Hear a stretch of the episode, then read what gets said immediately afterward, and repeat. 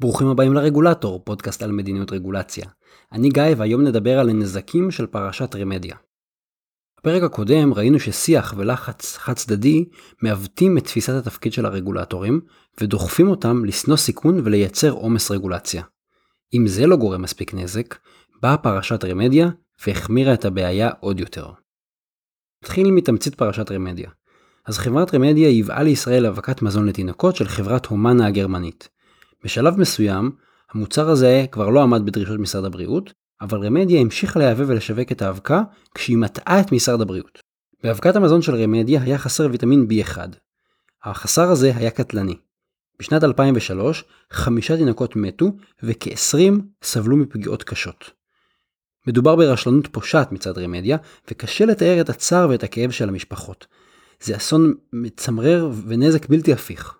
אבל מעבר לסיפור המזעזע הזה, מעבר לטרגדיה של אותן משפחות, הפרשה יצרה עוד גלים וגרמה לנזקים נוספים, לנזקים מערכתיים. בעקבות הפרשה הוגשו כתבי אישום פליליים נגד מנהלים ברמדיה וגם נגד רגולטורים בממשלה. העובדה שרגולטורים הועמדו לדין פלילי באופן אישי גרמה להלם בכל הממשלה. מאז הפרשה, רגולטורים חיים בפחד שלא יקרה משהו במשמרת שלהם. רגולטורים קובעים כללים מאוד מחמירים כדי שלא יוכלו להאשים אותם בדיעבד. צריך להבין מה קורה פה. אנשים בממשלה חיים יום יום בפחד שעומדים להכניס אותם לכלא. אמיתי לגמרי, אני שומע את זה על בסיס קבוע במשרדי ממשלה רבים. אנשים מסתובבים ואומרים, על טעות קטנה, עלולים לזרוק אותי לכלא. אם המפוקחים שלי ירמו אותי, אני אגמור בכלא, לא הם. אם מעל הראש שלכם היה מרחף איום של אישום פלילי בגלל החלטה שגרתית שאתם מקבלים בעבודה, אני חושב שגם אתם הייתם מפחדים ולא מסכימים לקחת סיכונים. הדבר הכי בטוח זה לא לקבל החלטה או לקבוע שהכל אסור. הדבר השני הכי בטוח הוא לקבוע דרישות מחמירות בצורה קיצונית. ככה נוצרות בירוקרטיה ודרישות מחמירות יותר מכל מקום אחר בעולם. הכל כדי שלא יקרה כלום. ואם יקרה, שלא יגידו שזה באשמת הרגולטור.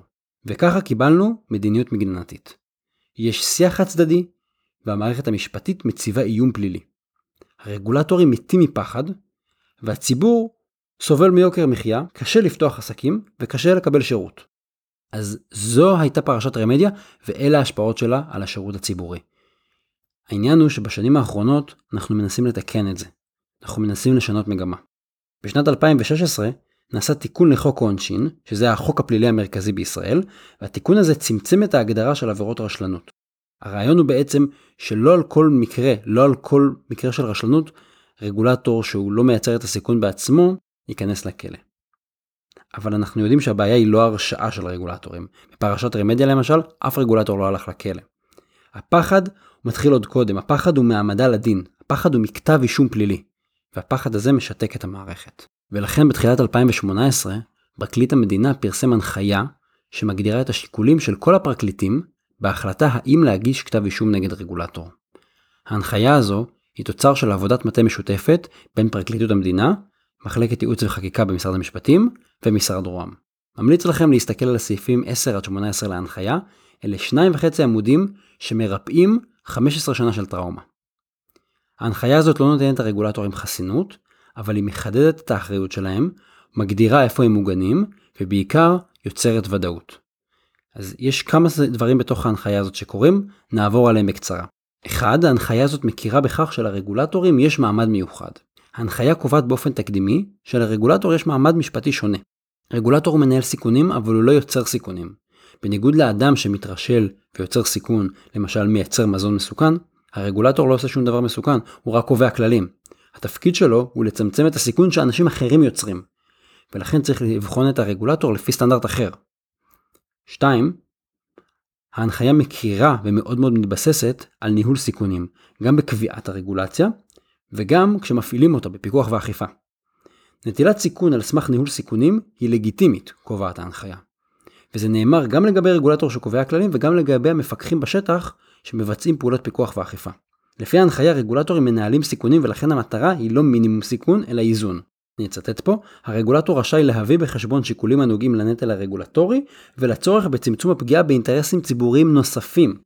זאת אומרת, ההנחיה אומרת, אתה לא צריך רק לצמצם את הסיכון הזה, זה משחק של איזונים, וגם פחות עלויות רגולציה זה שיקול לגיטימי עבור רגולטור.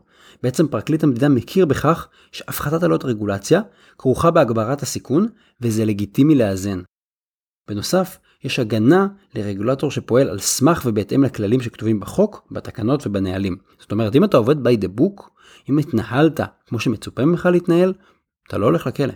שלוש, יש הגנה במקרה שעושים הקלה ברגולציה בהסתמך על סטנדרטים בינלאומיים.